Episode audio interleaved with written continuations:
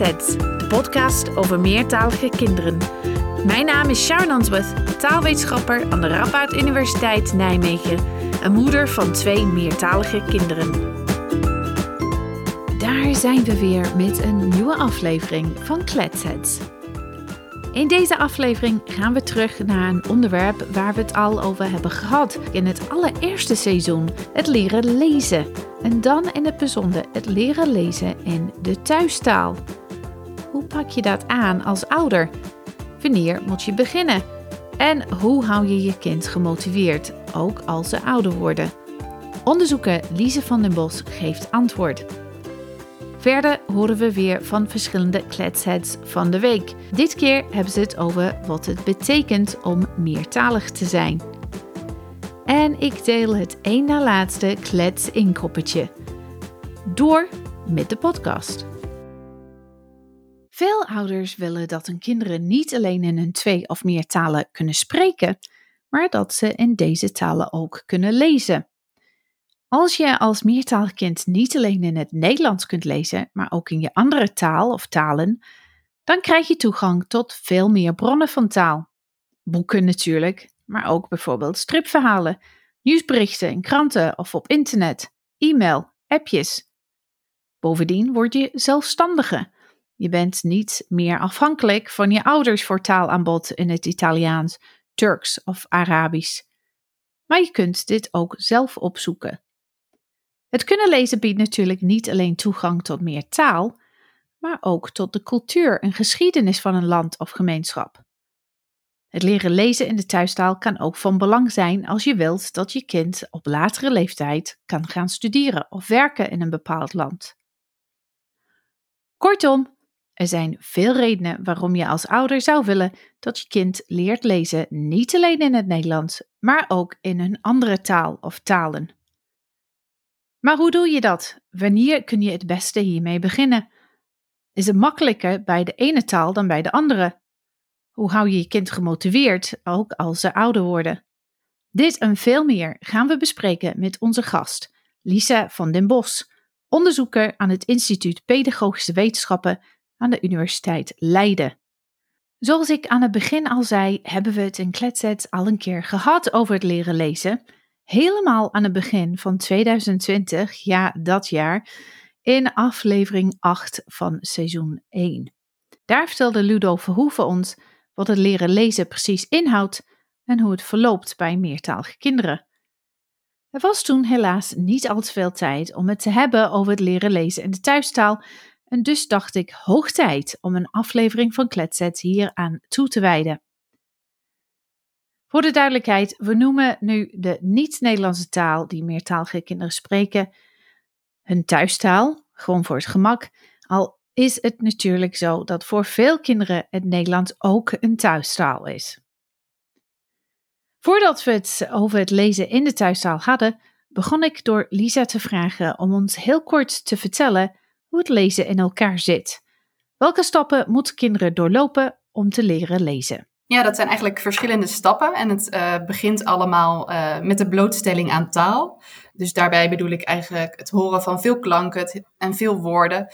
Uh, want juist die rijke taalomgeving is van groot belang mm. voor de ontwikkeling van taal- en leesvaardigheid van kinderen. en eigenlijk de eerste belangrijkste sta belangrijke stap in het daadwerkelijk leren lezen is het herkennen van klanken. Mm -hmm. En dat uh, gebeurt bijvoorbeeld ook al in de kleuterklas, wanneer kinderen bezig zijn met rijmen uh, en met hakken en plakken. Uh, op die manier krijgen ze veel meer inzicht in het feit dat woorden bestaan uit klanken. Ja, dus pen is pen. Precies. En bed is bed. Ja. Ja. Um, nou ja, en de volgende stap is dan eigenlijk het herkennen van letters. Dus bezig zijn met letterkennis. En dat ja. is ook iets wat steeds vaker al, nou ja, bij de kleuters aan bod komt. Dus uh, nou ja, alleen al het uh, leren schrijven en het herkennen van je eigen naam uh, ja. is iets wat jonge kinderen al doen. Nou ja, en naarmate kinderen in groep 3 komen, wordt die letterkennis natuurlijk verder uitgebreid. En leren ze in het geval van een alfabetische taal alle letters van het alfabet. Um, en de klanken die daarbij horen. Dus ze maken die letterklankkoppelingen. Ja. En als ze in staat zijn om dat te doen, dan kunnen ze op basis van die kennis ook weer woorden vormen. Dus je hebt dan, er is dan eigenlijk sprake van een alfabetisch principe dat ze onder de knie krijgen. Dus uh, dat kinderen inzien dat er een verband is tussen hoe je woorden uitspreekt en uh, hoe je woorden schrijft. Mhm, mhm. En dat alfabetische principe, dat is iets wat ze vooral leren in groep 3 en waar ze veel mee oefenen. En als ze dat steeds vaker doen, dan krijgen ze ook dus die letterklankkoppelingen uh, steeds uh, beter onder de knie. En worden ze ook steeds sneller in het lezen. Dus dat lezen gaat steeds vlotter en steeds vloeiender. En dat is iets waar ze, nou ja, met name uh, daar waar ze in het eerste halfjaar van groep 3 vooral besteden aan het opdoen van letterkennis en die letterklankkoppelingen, is er in het, de tweede helft van groep 3 al veel meer aandacht voor het vlot en vloeiend lezen. Waarbij ze dus nou ja, dat noem je ook wel decoderen. Dus het omzetten van geschreven woorden in gesproken woorden steeds verder automatiseren. Ja, dus dat alfabetische principe, dus dat is het idee dat ja, je, je hoort dezelfde klank p in pen, en pim, en pet.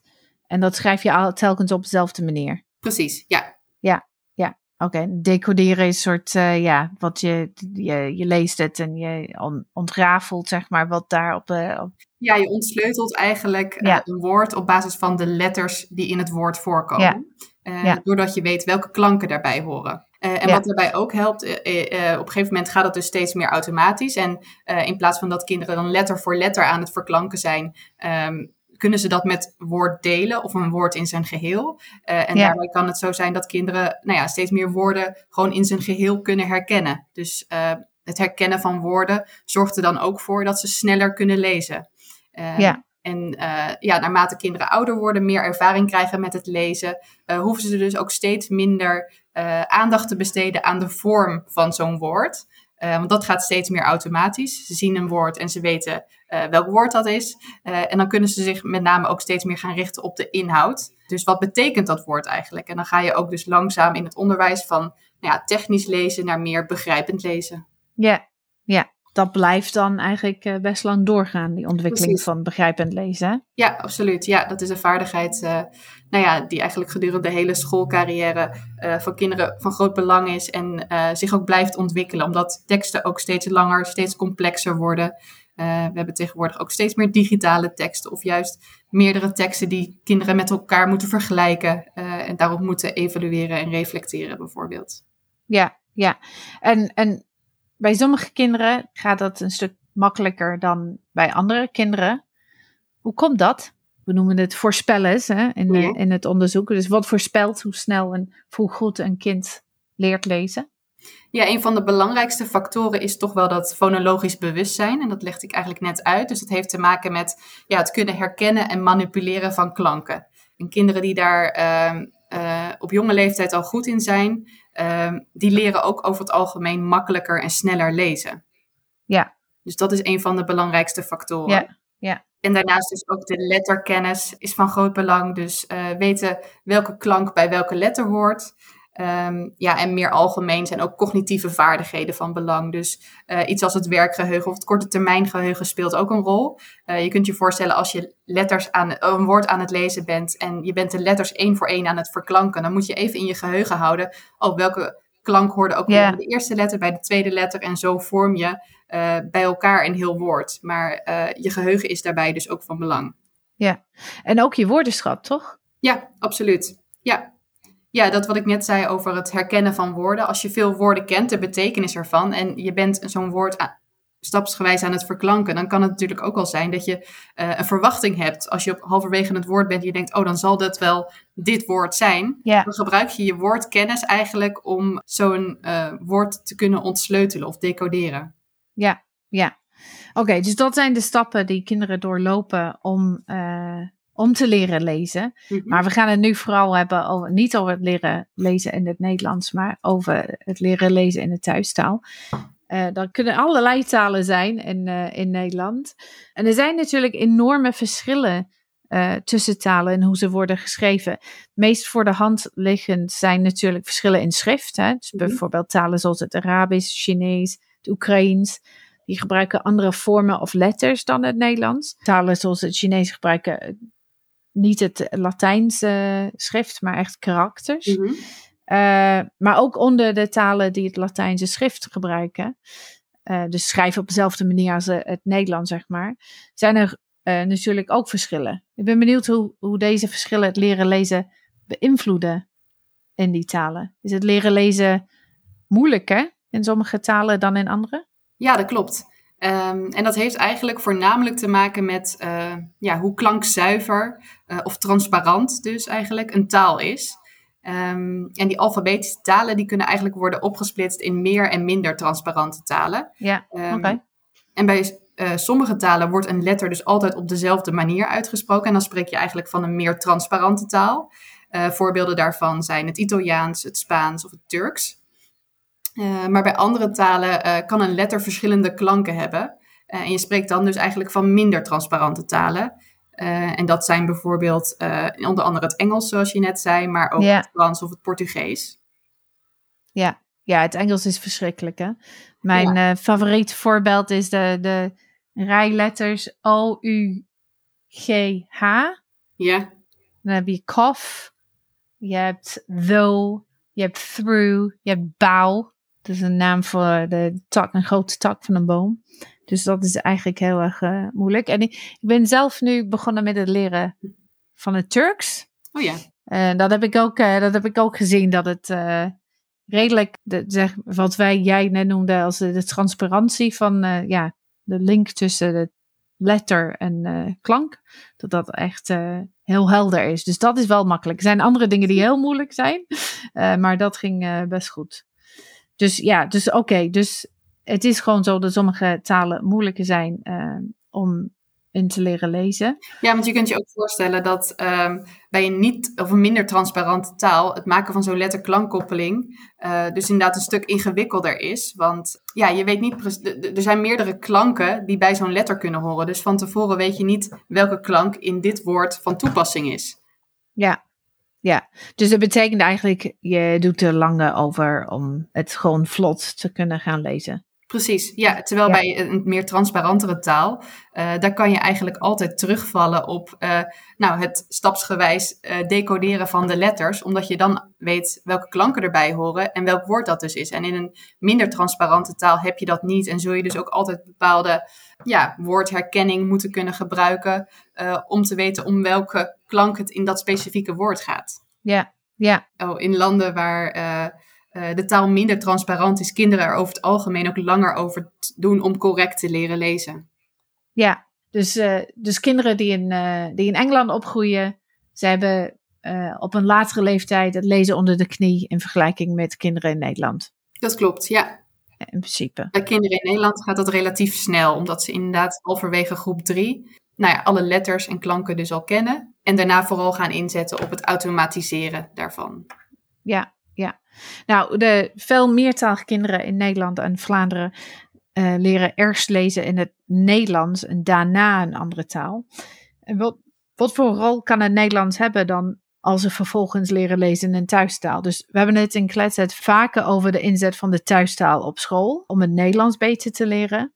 Maar kunnen kinderen en ouders ook een kennis van het van Nederlands, voor het lezen in het Nederlands inzetten om een thuistaal beter te leren lezen of gewoon te leren lezen in de thuistaal? Wat denk jij? Ja, dat hangt uh, ook weer enigszins af van uh, in hoeverre die, die, talen die een kind spreekt op elkaar lijken. Uh, en ik ga dan even uit van alfabetische talen. Want wanneer kinderen al kunnen lezen in de schooltaal, in het Nederlands, um, en er qua klanken en letters veel overlap is met de thuistaal, uh, of met de schooltaal, dan is het leren lezen in de thuistaal niet meer zo ingewikkeld. Ja, en dat heb, ik, dat heb ik ook vaker gezegd, denk ik, op de podcast. Dat heb ik ook ja. gezien bijvoorbeeld met mijn eigen kinderen. Dat ze ineens niet perfect Engels kon lezen, dat eh, echt niet. Maar dat ze ineens wel heel veel dingen konden doen in het Engels qua lezen. En ik had ze dat niet uh, geleerd of zo. Precies, ja. Dus die, die kennis die ze dan hebben opgedaan door het kunnen lezen, kennis en vaardigheden die ze hebben opgedaan door het kunnen lezen in het Nederlands, kunnen ze ook toepassen uh, bij het lezen in de andere taal. En als dat niet zo is, als kinderen twee talen leren lezen die niet op elkaar lijken. Ja, dan is er sowieso meer tijd en aandacht nodig om uh, ja, die letterklankkoppeling in de thuistaal ook te leren. En zeker bij talen die dus niet hetzelfde schrift hebben als het Nederlands, zoals het Arabisch bijvoorbeeld. Uh, daarbij kunnen kinderen eigenlijk nauwelijks gebruik maken van dat wat ze hebben geleerd bij het leren lezen in het Nederlands. Afgezien dan van het inzicht dat uh, gesproken taal ook een geschreven taal heeft. Ja, ja. Die, dit soort heel basale inzicht over wat uh, Precies. Uh, geschreven taal is. Ja. Ja, dus dat is dan eigenlijk een, een, een vaardigheid die, ze, die, die zich daar vrij los van ontwikkelt. Ja, en dat hoef je niet nog een keer te leren eigenlijk. Dat er iets bestaat als geschreven taal. Of dat, dat idee, dat er koppeling, dat alfabetisch principe, dat hoef je niet nog een keer te leren Precies. als je een tweede, in een tweede taal gaat. Uh... Dat inzicht is er al. Uh, het is alleen dat de toepassing dus anders kan zijn. Ja. We laten het gesprek met Lise even om naar onze kletsheads van de week te luisteren. Kletshead van de week. In dit seizoen van Kletsheads horen we niet van één jonge kletshead, maar meerdere. Net zoals de Best of aflevering die ik eerder dit jaar heb gemaakt van mijn favoriete kletsheads van de eerste twee seizoenen, horen we nu ook een compilatie van gesprekken met verschillende kinderen.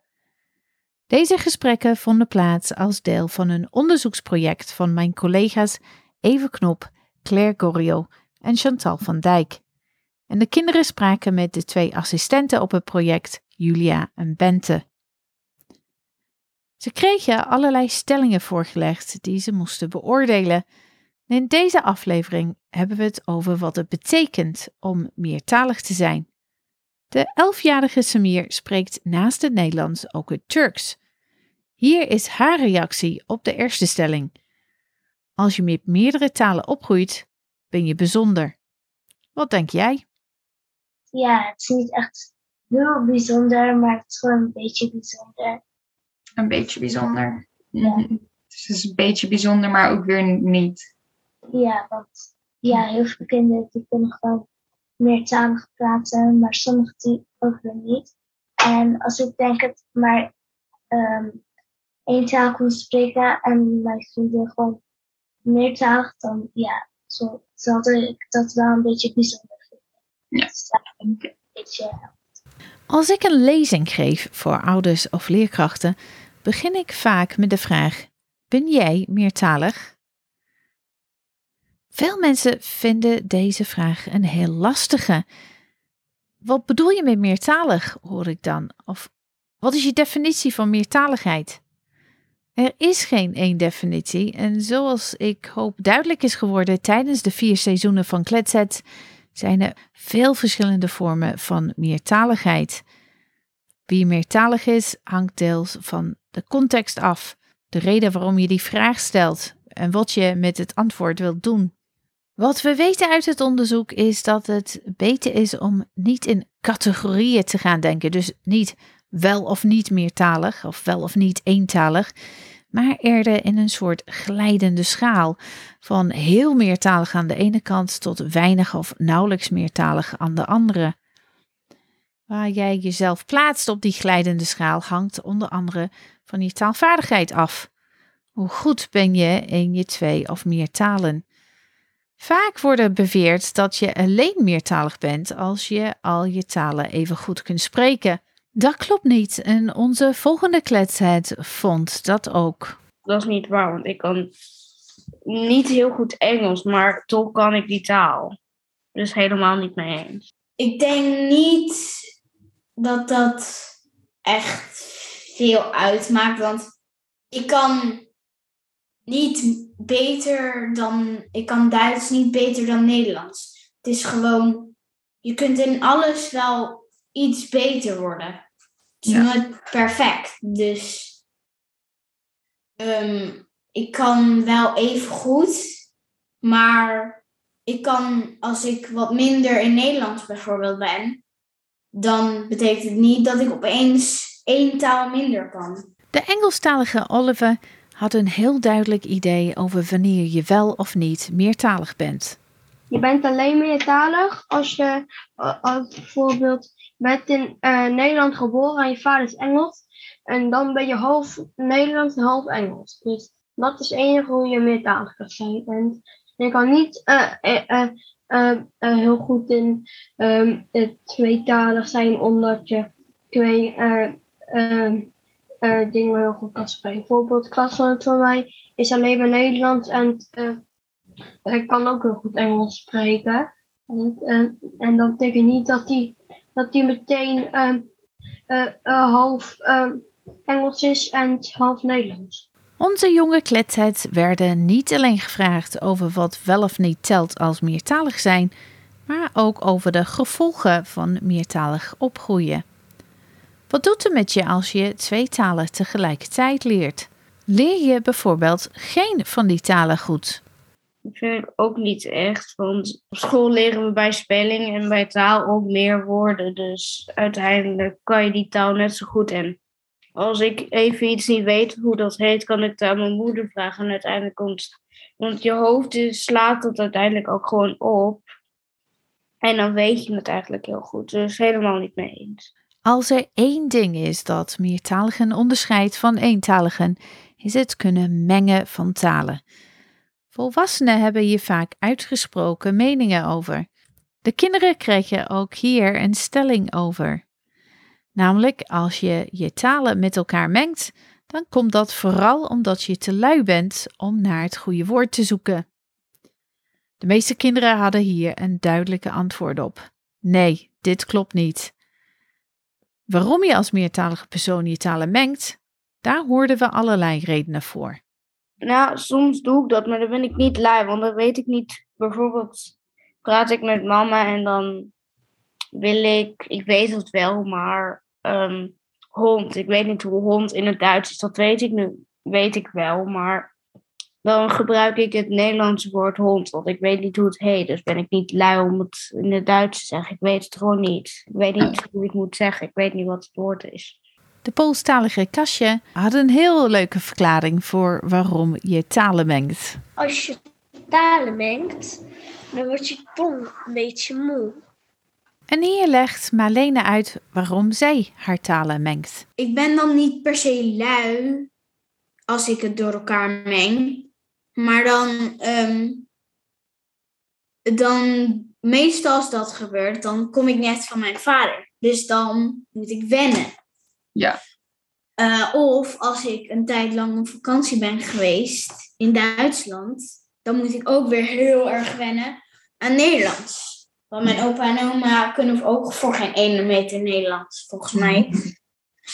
Um, dus ja, voor veel mensen betekent meertalig zijn dat je zonder moeite van de ene taal naar de andere taal zou moeten kunnen vertalen. Soms kan het ook handig zijn om juist niet te vertalen. Bijvoorbeeld je hebt ruzie in het Duits en er zijn vrienden, dan hoef je niet, en iemand vraagt waar ging het om, hoef je niet per se te antwoorden. Want heb je eigenlijk ook weer een beetje voordeel dat, je, dat ze het niet verstaan, want dan kunnen ze zich er ook niet echt heel goed mee bemoeien. Ja, Soms kan meertalig opgroeien heel erg handig zijn.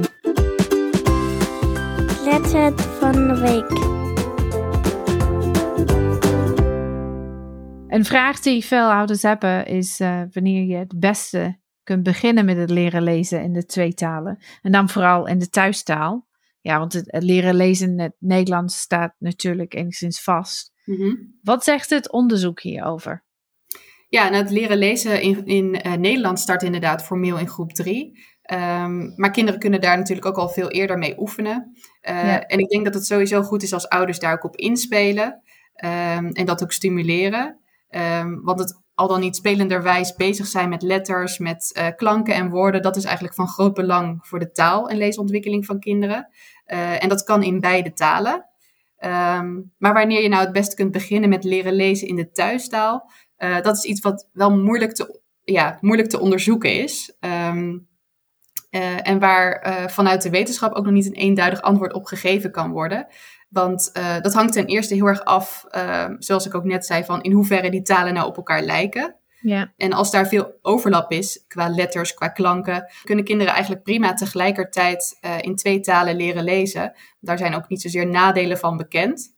Uh, ze kunnen er zelfs profijt van hebben, want leren lezen in de ene taal ondersteunt dan ook het leren lezen in de andere taal. Uh, want ze kunnen het bijvoorbeeld vaker en meer toepassen in verschillende situaties. Ja, wat nou eigenlijk een goed moment is om te starten met het lezen in de thuistaal, hangt eigenlijk vooral af van de taalvaardigheid van een kind en hoe goed uh, het kind de thuistaal al beheerst. Want het is nou eenmaal belangrijk dat je een taal goed beheerst voordat je begint met leren lezen in die taal. Uh, want als een kind al heel veel klanken en letters en woorden kent, dan helpt dat enorm bij het leren lezen in die taal. Ze zullen dan ook eerder woorden herkennen, bepaalde klanken zelf kunnen uitspreken en kunnen toepassen. Ja, en hoe beter een kind de taal spreekt, hoe uh, beter ze ook doorgaans kunnen lezen in die taal. Ja, oké. dus als uh, ouders zijn die luisteren en, en, en ze weten, ja, mijn kind die kan, die is eigenlijk echt goed in, in, in onze, onze thuistaal. Hè? Ik zie dat, ik kan gewoon prima gesprekken met mijn kind voeren. En ze denken, ja, mijn kind is nu maar vier, vier jaar, vijf jaar oud. Niks houdt ze tegen om, als het kind interesse toont, om te beginnen met leren lezen. Dat klopt, ja, zeker. En het kan zelfs helpen ook weer. Hè? Als je leert lezen in de thuistaal, kan het ook zelf weer helpen om ja, weer vaardiger te worden in die thuistaal. Uh, dus het kan ook juist de ontwikkeling van de thuistaal stimuleren. Ja, ja, maar ik denk dat de zorg vaak is dat gaat problemen veroorzaken als een kind in groep 3 begint met het leren lezen. In het Nederlands bedoel ik. Ja, dat het te veel door elkaar zou gaan lopen. Ja, ja, nou ja, dat is misschien uh, vergelijkbaar met het leren lezen in een minder transparante taal. Kinderen moeten dan toch ook leren dat bepaalde letters meerdere klanken kunnen hebben. Um, en uh, wanneer je als meertalig kind leert lezen in meerdere talen tegelijkertijd, dan zul je op een gegeven moment ook doorhebben, oh, maar deze klank, deze letter heeft die klank in het Nederlands, maar kan in het Turks bijvoorbeeld een andere klank hebben. Uh, dus dat, is, dat kost dan iets meer tijd en iets meer oefening en aandacht. Maar dat hoeft niet voor problemen te zorgen. Oké, dus eigenlijk uh, is het ook zo, en dat hebben we ook uh, in die andere aflevering over leren lezen besproken. Het is ook zo dat je ook kunt verwachten dat kinderen misschien het Turks gaan lezen alsof het het Nederlands is, of het Nederlands gaan lezen alsof het Turks is. Dus een soort, we noemen dat tussentaalinvloed, ja. dat dat ook plaats gaat vinden. Dus dat hoort er eigenlijk bij, hoeft niet per se te betekenen dat het kind het nooit gaat leren of in de waar is. Of, uh... Klopt, dat is onderdeel van het leerproces. Um, en naarmate ja. kinderen meer lezen, beter gaan lezen, zullen ze dat onderscheid ook steeds makkelijker kunnen maken.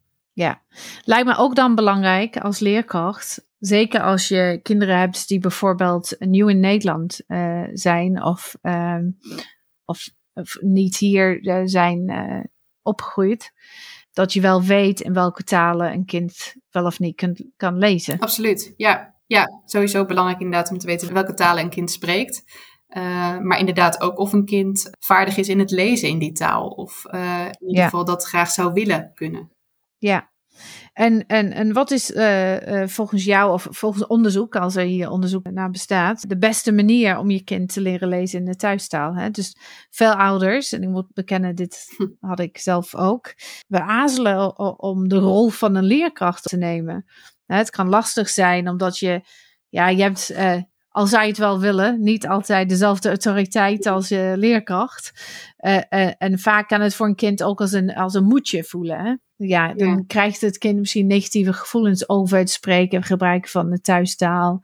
De relatie tussen jou en je kind rondom het gebruik van die taal. Dus hoe kun je het als ouder aanpakken om deze mogelijke problemen te voorkomen? Om een succes te maken van het leren lezen?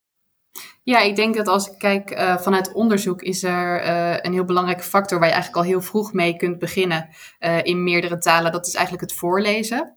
Um, ja. Dat is een heel belangrijke activiteit voor het leren lezen. Uh, en het is vaak ook gewoon gezellig en fijn om samen met je kinderen te doen. En bij meertalige gezinnen is het dan ook belangrijk dat er wordt voorgelezen in meerdere talen. Um, en dat het voorlezen niet stopt uh, wanneer een kind eenmaal zelf begint met lezen. Want ook dan blijft voorlezen en het, nou ja, ervaring opdoen met verhalen heel belangrijk. En je ziet vaak ook dat meertalige kinderen rond ja, groep drie of vier steeds vaker de, de, de schooltaal uh, ook thuis gaan gebruiken. Ja. Um, maar dan nog is het verstandig, verstandig en het meest natuurlijk eigenlijk om als ouders wel in de eigen taal te blijven praten en lezen met het kind. Want zo blijven kinderen dus ook voldoende taalinput in die taal krijgen. Um, en dan kunnen ze zich ook weer makkelijker ontwikkelen tot meertalige lezers. En daarnaast denk ik dus ook dat het heel motiverend voor kinderen werkt. Um, ja, om te weten wat ze er eigenlijk aan hebben als ze kunnen lezen in de thuistaal. Dus bijvoorbeeld dat ze de appjes zelf kunnen lezen die, uh, die uh, oma vanuit Turkije stuurt. Of uh, ja, dat ze inzien dat het ze ook veel meer mogelijkheden biedt. want ze kunnen nou ja, dan ook boeken, teksten lezen in meerdere talen. En dat kan weer heel handig zijn, bijvoorbeeld als je later journalist wil worden. dus ik denk dat het heel belangrijk is dat ouders ook met kinderen het gesprek aangaan van, ja, wat heb je er eigenlijk aan als je kunt lezen in, in, in beide talen of in meerdere talen? Ja, en het ene kind zal daar natuurlijk wat gevoeliger voor zijn dan, dan, het, dan het andere. Maar dat, ik denk dat het een kwestie is van het vinden van datgene dat jouw kind gaat motiveren. Als het gaat om het motiveren van je kind om te gaan lezen in de thuistaal, dan heb ik met het klets inkoppertje van deze aflevering nog een tip voor je. Klets inkoppertje. Veel meertalige kinderen lezen of leren lezen in hun niet-Nederlandse taal. Bij de ene gaat dat vlotter dan bij de andere. Naar moedertaalonderwijs kan hiermee helpen, maar soms is dat om welke reden dan ook geen optie. Wil je dat je kind in zijn of haar niet-Nederlandse taal leest, dan helpt het als je ervoor kunt zorgen dat het nodig is om dit te doen. We hebben het in de podcast vaak gehad over de nood om spreekkansen te creëren voor kinderen in een thuistaal. Dus authentieke momenten waarop ze die taal moeten gebruiken om iets voor elkaar te krijgen. Bij het lezen is dat niet anders. Het klets inkoppertje voor vandaag, ook weer van het Peach Project, helpt je om dit te doen. Geef je kind een probleem dat ze moeten oplossen in een thuistaal en dan wel door te lezen. Bijvoorbeeld, schrijf een briefje in de niet-Nederlandse taal en stop het in een boterhamtrommel. Op zich geen probleem dat ze moeten oplossen, maar ze zullen denk ik reuze benieuwd zijn naar wat je hebt geschreven. Dus dat motiveert ze om hun best te doen om dat uh, briefje te gaan lezen. Nou, natuurlijk vindt het ene kind het leuker dan de andere om zo'n brief op school te krijgen. Als jouw kind bij de anderen hoort, dat is zeker het geval bij mijn twee, dan kun je hetzelfde proberen, maar dan op een andere moment of plek. Schrijf bijvoorbeeld een brief en laat het op tafel voor als ze thuiskomen van school. Daarop staat dan instructies over iets lekkers dat ergens verstopt is. Of leg een briefje onder hun hoofdkussen voordat ze gaan slapen met een, een leuk of grappig berichtje. Wat je ook kunt doen is grootouders inschakelen. Vraag opa of oma om een postkaartje op te sturen of een e-mail of een app. Het liefst met een verzoek om iets te doen, zodat er wel een antwoord nodig is. Als opa en oma zelf geen Nederlands spreken, dan snappen zij hopelijk ook het belang van de andere taal voor hun kleinkinderen. Nog een optie is om, als jullie iets moeten opzoeken op internet bijvoorbeeld, je kind te vragen om dit in de niet-Nederlandse taal te doen. Daar geldt ook dat het ene kind dit leuker vindt dan het andere. Maar als je dat luchtig houdt, een onderwerp kiest dat ze zelf interessant vinden, ze ermee helpen als ze het moeilijk vinden, dan kan het een mooie manier zijn om het lezen in de andere taal te stimuleren. Dus het kletsinkoppetje voor vandaag is: verzin een leesprobleem dat je kind graag wilt oplossen. Klets inkoppertje. En het helpt dan heel erg om ook uh, nou ja, boeken te hebben nou ja, uit het land van de thuistaal uh, voor beginnende lezers of echt uh, nou ja, onderwijsboekjes voor hoe het leren lezen er daaraan toe gaat. dat helpt heel erg, boeken op niveau. Ja, en we gaan het in de volgende aflevering hebben over meertalige boeken. Mm Er bestaan heel veel meertalige boeken. Dus dat kan ook een manier zijn, denk ik, om te kijken naar verschillen tussen die twee talen. Hè? Hoe, ze, hoe uh, de koppeling tussen letter en klank werkt in de twee talen. Als je hetzelfde verhaal ziet uh, in twee verschillende talen ja, in een boek. Absoluut. Ja, en tot slot kun je als kind natuurlijk, of als ouder natuurlijk ook altijd voor kiezen om je kind uh, buiten schooltijd lessen te laten volgen. Uh, maar dat zou dan in het weekend zijn of in, in, in zomervakantie. Uh, om ja, toch meer in een formele vorm bezig te zijn met leesonderwijs in de thuistaal.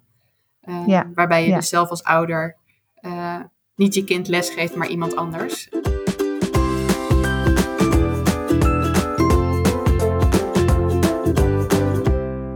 Inderdaad, het volgen van moedertaalonderwijs of heritage language education, zoals het in het Engels wordt genoemd, kan heel erg helpen als het gaat om het leren lezen en schrijven in de thuistaal. En zeker, maar niet alleen als jullie thuistaal een andere schrift heeft dan het Nederlands. Wil je meer weten over dit vorm van onderwijs? Dan luister naar aflevering 8 van seizoen 2 van Kletsets. De link staat in de show notes. Daar praat ik met Gizi Canazaro van het Heritage Language Education Network in Eindhoven. En in de Engelstalige editie van Kletset hebben we binnenkort een hele aflevering over moedertaalonderwijs. Zoals Lisa al zei, helpt het heel erg als je kind toegang heeft tot boeken op niveau in de thuistaal. Maar deze kunnen soms lastig zijn om te vinden en ook duur. Steeds meer bibliotheken hebben een meertalige collectie, dus het kan de moeite waard zijn om in de bieb te gaan kijken. En als ze niets hebben in jullie taal of niet genoeg volgens jou, kun je altijd hierom vragen. Verder kun je familie en vrienden in het buitenland vragen om boeken op te sturen. Misschien boeken die hun kinderen al hebben gebruikt. En ruilen met andere gezinnen in Nederland of België is ook een goede manier om voor nieuwe aanwas te zorgen in jullie thuispiep. Andere tips voor het leren en blijven lezen in de thuistaal vind je in de twee boeken voor ouders die we in aflevering 4 hebben besproken. En op de website Library for Multilinguals.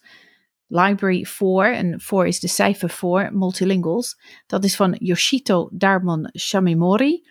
Daar vind je ook heel veel tips, inclusief een meertalig stripverhaal dat Yoshito heeft geschreven, dat kinderen zelf kunnen invullen in een eigen taal. Er komt ook een Nederlandse versie daarvan. De link staat in de show notes. En tenslotte, je kunt ook oudere kinderen vragen om voor te lezen aan hun jongere broertjes of zusjes. Dit kan trouwens ook op school. Oudere kinderen kunnen in de thuistaal voorlezen aan de kleuters met dezelfde taalachtergrond. Dit zorgt voor een leuke ervaring voor de jonge kinderen, zeker voor diegenen die het Nederlands nog net aan het leren zijn, die ineens geen moeite hoeven te doen om het verhaal te begrijpen. En het zorgt ook voor een community tussen de jongere en oudere leerlingen op school. En de oudere kinderen kunnen ook pronken met hun voorleestalenten in de thuistaal ook als ze nog niet op leeftijdsniveau kunnen lezen, want een prentenboek is natuurlijk vaak best makkelijk. En Lise heeft natuurlijk ook meer tips voor je. Ja, iets wat sowieso altijd heel belangrijk is, is uh, nou ja, aansluiten bij de interesses van je kind en uh, ze keuzemogelijkheden bieden. Dus ga samen naar de bibliotheek um, en laat je kind zelf keuzes maken. Dat kan zijn voor uh, welke boeken kies ik, maar ook waar lees ik en met wie lees ik. Uh, wanneer een kind mhm. bijvoorbeeld liever een keer met een broertje of een zusje of een, uh, uh, of, een, of een vriendje of vriendinnetje leest, of juist een keer met oma, dan kan dat ook juist motiverend werken. En ja. als er op school bijvoorbeeld een bepaald thema aan bod gekomen is, dan kun je daar ook weer nou ja, leuke boeken aan koppelen of teksten bij opzoeken en die met je kind lezen. Ja, en uh, ja, je moet wel boffen dat je dat kunt vinden in jouw taal dan. Hè? Dus uh, er komen steeds meer boeken in andere talen in bibliotheken. Maar je kunt ook de, de digitaal gewoon op internet kijken of je leuke websites voor kinderen vindt, uh, bijvoorbeeld. En daarvoor kun je zeker familie en vrienden in het land waar jij vandaan komt vragen om tips. Het dus wat wordt dan bij de nichtjes en neefjes gebruikt uh, op school. Ja. Dus dat, dat is wat ik, hoe ik het ja. uh, toen heb aangepakt. En als je kind geen grote lezer is. Ik heb twee kinderen die geen grote lezer zijn. En ik merk wel, dus heel lang mijn zoontje, die wilde alleen maar Dogman lezen. In het, in het Engels. Mm -hmm. En uh, toen ja. dacht ik, oké, okay, prima. Als dat hem als hij dat, het is wel onder zijn uh, niveau, vind ik. Maar als het ervoor zorgt dat hij het leuk vindt om een boek in zijn handen te hebben en dat iets te gaan doen. En hij heeft ook daarna ook aangegeven dat hij liever gewoon boeken over feiten wilt. Dus hij vindt uh, ja, doorbladeren in uh, de Guinness World Book of Records. Ja, dat is echt het achterhalen van waarom vind je dat dan wel een leuk boek? Of uh, welk onderwerp, onderwerp spreekt je dan wel aan?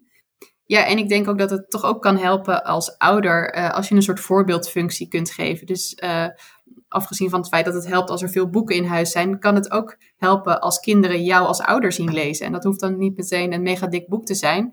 Um, maar ook uh, ja, het lezen van een tijdschrift, uh, het, over, uh, het in gesprek gaan over dat wat je leest met je kind. dat kan kinderen al doen inzien dat het ook een plezierige activiteit ja. is. Ja, um, ik moet zeggen dat ik daar ook niet zo heel erg goed in, maar papa wel. Dus dat is wel fijn. Oké, okay, nou. ja. ja. Ja, en succeservaringen zijn toch ook belangrijk. Dus ook al um, um, is het dan in het geval van jouw zoontje een boek onder zijn niveau, dan is het wel goed om te benoemen bijvoorbeeld van, nou ja, dit boek heb je nu helemaal gelezen, maar een half jaar geleden deed je daar nog veel langer over. Uh, of uh, lukt het je nog niet om alle woorden op deze manier uh, uit te spreken. Dus ik denk ook wel dat het belangrijk is om ja, kinderen te motiveren door te benoemen dat ze zich steeds verder ontwikkelen. En nou ja, dat als ze goed oefenen, dat het ze ook steeds makkelijker ja. afgaat. Ja, is er, is er veel onderzoek over de rol van motivatie bij het leren lezen in kinderen? Ja, best veel er is best veel onderzoek naar leesmotivatie. En ja, je komt dan eigenlijk wel terug op dingen die ik eerder al noemde, maar uh, die aansluiten bij drie belangrijke factoren. En dan hebben we het over uh, autonomie. Uh, dus inderdaad dat uh, zelf kiezen wat ze lezen en met wie bijvoorbeeld. Maar ook uh, relatie, dat is een tweede factor. Uh, en dan hebben we het over uh, verbondenheid en samen praten en discussiëren over dat wat je leest. En tot slot competentie. En dat zijn dus eigenlijk die succeservaringen. en dat het heel belangrijk is om het zelfvertrouwen om te lezen te bevorderen bij kinderen. En als die drie factoren aanwezig zijn, dan ja, kun je ook echt de leesmotivatie van je kind Ja. verhogen. En wat, want je zei relatie. En wat, wat is dat? Wat bedoel je Ja. daarmee? Het heeft te maken met eh, de betrokkenheid, eh, de verbondenheid eh, bij het lezen. En dat kun je dus ja, bewerkstelligen door samen te lezen. En dat kan als ouder kun je dat doen, samen lezen met je kind en praten over dat wat je leest. Maar in de klas gebeurt dat ook door bijvoorbeeld in samenwerking eh, opdrachten te koppelen aan dat wat leerlingen lezen. En dat ze dus echt in discussie met elkaar moeten gaan over wat ze gelezen hebben om bijvoorbeeld een, een, een, een, een nieuwsbericht daarover te schrijven. Ik denk dan dat vooral uh, ja, regelmaat wel heel belangrijk is. Want je moet inderdaad blijven oefenen. Um, en uh, dat kan zijn door uh, een vast moment op de dag of in de week in te plannen. Om daar toch ja, tijd en aandacht voor te hebben. In eerste instantie misschien nog vooral samen met je kind. En dan ja, het kind iets te laten uitkiezen wat ja, wat het kind vooral aanspreekt uh, of motiveert op dat moment. En dat hoeft dan niet altijd een, een, een, een droge schoolboektekst te zijn. Dat kan ook ja, meer een, een, een online bericht zijn wat ze tegenkomen. Of uh, ja, een digitale tekst Ja. die ze Ja, aanspreekt. Oké, goed. Dus regelmaat is heel, eh, is heel belangrijk. Dat is een goede tip voor, eh, voor mij ook, eh, neem ik mee. Ehm, aan het begin eh, had ik het over dat je door te kunnen leren lezen toegang krijgt tot veel meer bronnen van taalaanbod. En je bent natuurlijk op een andere manier met taal bezig. Wat weten we uit onderzoek hierover? Heeft het leren lezen gevolgen voor de algemene taalvaardigheid van kinderen in hun thuistaal? Eh, ja, met andere woorden, wat levert het, eh, het lezen en de thuistaal op? Ja, meerdere dingen eigenlijk. Ehm, als we het hebben over de thuistaal, eh, dan bevordert het ten eerste de ontwikkeling in de thuistaal. Uh, want uit onderzoek is bekend dat juist het lezen in de thuistaal heel effectief is voor het verbeteren en het ontwikkelen van vaardigheden in de thuistaal. Dus kinderen die kunnen lezen in een thuistaal zijn vaak het algemeen in die taal dan kinderen die niet kunnen lezen in die thuistaal. Dat klopt, ja. Want wanneer kinderen niet kunnen lezen in de thuistaal, maar bijvoorbeeld alleen kunnen spreken en begrijpen in de thuistaal, um, dan is de kans ook weer groter dat zij een bepaalde ja, achteruitgang ervaren in hoe goed ze uh, de thuistaal beheersen. En ja, in hoeverre ze zich bijvoorbeeld ook verbonden voelen met uh, de cultuur. Ja, oké. Dus het heeft uh, niet alleen nut voor de algemene taalvaardigheid van een kind, maar ook voor ja, een verbondenheid met. Ja, precies. Ja. Dus het, het vergroot ook hun cultureel bewustzijn wanneer ze kunnen lezen in de thuistaal. Uh, en er is ook bekend dat het kan bijdragen aan hun gevoel van uh, eigenwaarde en aan hun identiteit. Uh, ze kunnen juist door het kunnen lezen in de thuistaal ook sterker het gevoel hebben dat dat hun ja, cultuur ook is. Ja, dus het is goed om te weten dat dat ook dat we weten uit onderzoek dat het ook echt voordelen heeft om te leren lezen in, uh, in de thuistaal. Ja, en dat geldt meer algemeen ook nog wel voor de schooltaal. Dus er is ook onderzoek dat laat zien dat een goed ontwikkelde thuistaal bijdraagt aan ontwikkeling in de schooltaal. Dus, en dat geldt ook voor lezen op zekere hoogte. Ja. Ehm, dus dat is eigenlijk waar we in het begin over hadden. Dat wanneer je goed kunt lezen in de ene taal, kun je daarop voortbouwen in de andere taal. Dus uh, dat beïnvloedt elkaar ook weer. Ja, dus kortom, allerlei redenen om te gaan lezen in de thuistaal. En ik hoop dat we allerlei tips hebben kunnen geven over hoe je dat kunt aanpakken als ouder. En ook hoe je als uh, leerkracht misschien de kinderen, de meertalige kinderen in je klas kunnen stimuleren om ook in hun thuistaal te gaan lezen. En ook hoe je daar gebruik van kunt maken in de klas. Lisa, heel erg veel bedankt voor alle inzichten die je hebt uh, gedeeld met ons vandaag. En uh, ja, tot een volgende keer. Ja, graag gedaan. Tot ziens. Dat was het voor deze aflevering van Kletsets. Zoals ik net al zei, hoop ik dat jullie iets hebben aan de tips die we vandaag hebben gedeeld om je kind te leren lezen en te laten blijven lezen in de thuistaal. Want daar heeft je kind echt profijt van. Niet alleen omdat ze in een andere taal kunnen lezen dan het Nederlands, maar ook omdat het goed is voor hun taalvaardigheid in die taal en hun meertalige identiteit. Wij zijn er weer over een maand met de één na laatste aflevering van dit seizoen. We blijven bij het thema lezen, want we gaan het dan hebben over meertalige boeken. De volgende aflevering is ook gelijk de één na laatste aflevering van Kletsets. Want na dit seizoen ga ik stoppen met de podcast. Meer daarover de volgende keer. Wil je meer weten over Kletsets? Ga dan naar www.kletsetspodcast.nl. Daar vind je ook meer informatie over deze aflevering. Wil je geen aflevering missen? Abonneer je dan op Kletsets via je favoriete podcast app. Kletsets vind je ook op Facebook, Twitter, Insta en LinkedIn. Onze naam uit Kletsets en al. Ken je iemand die de podcast misschien leuk vindt en die hem nog niet kent? Dan zou ik het heel fijn vinden als je hem zou delen. Bedankt voor het luisteren en graag tot de volgende keer.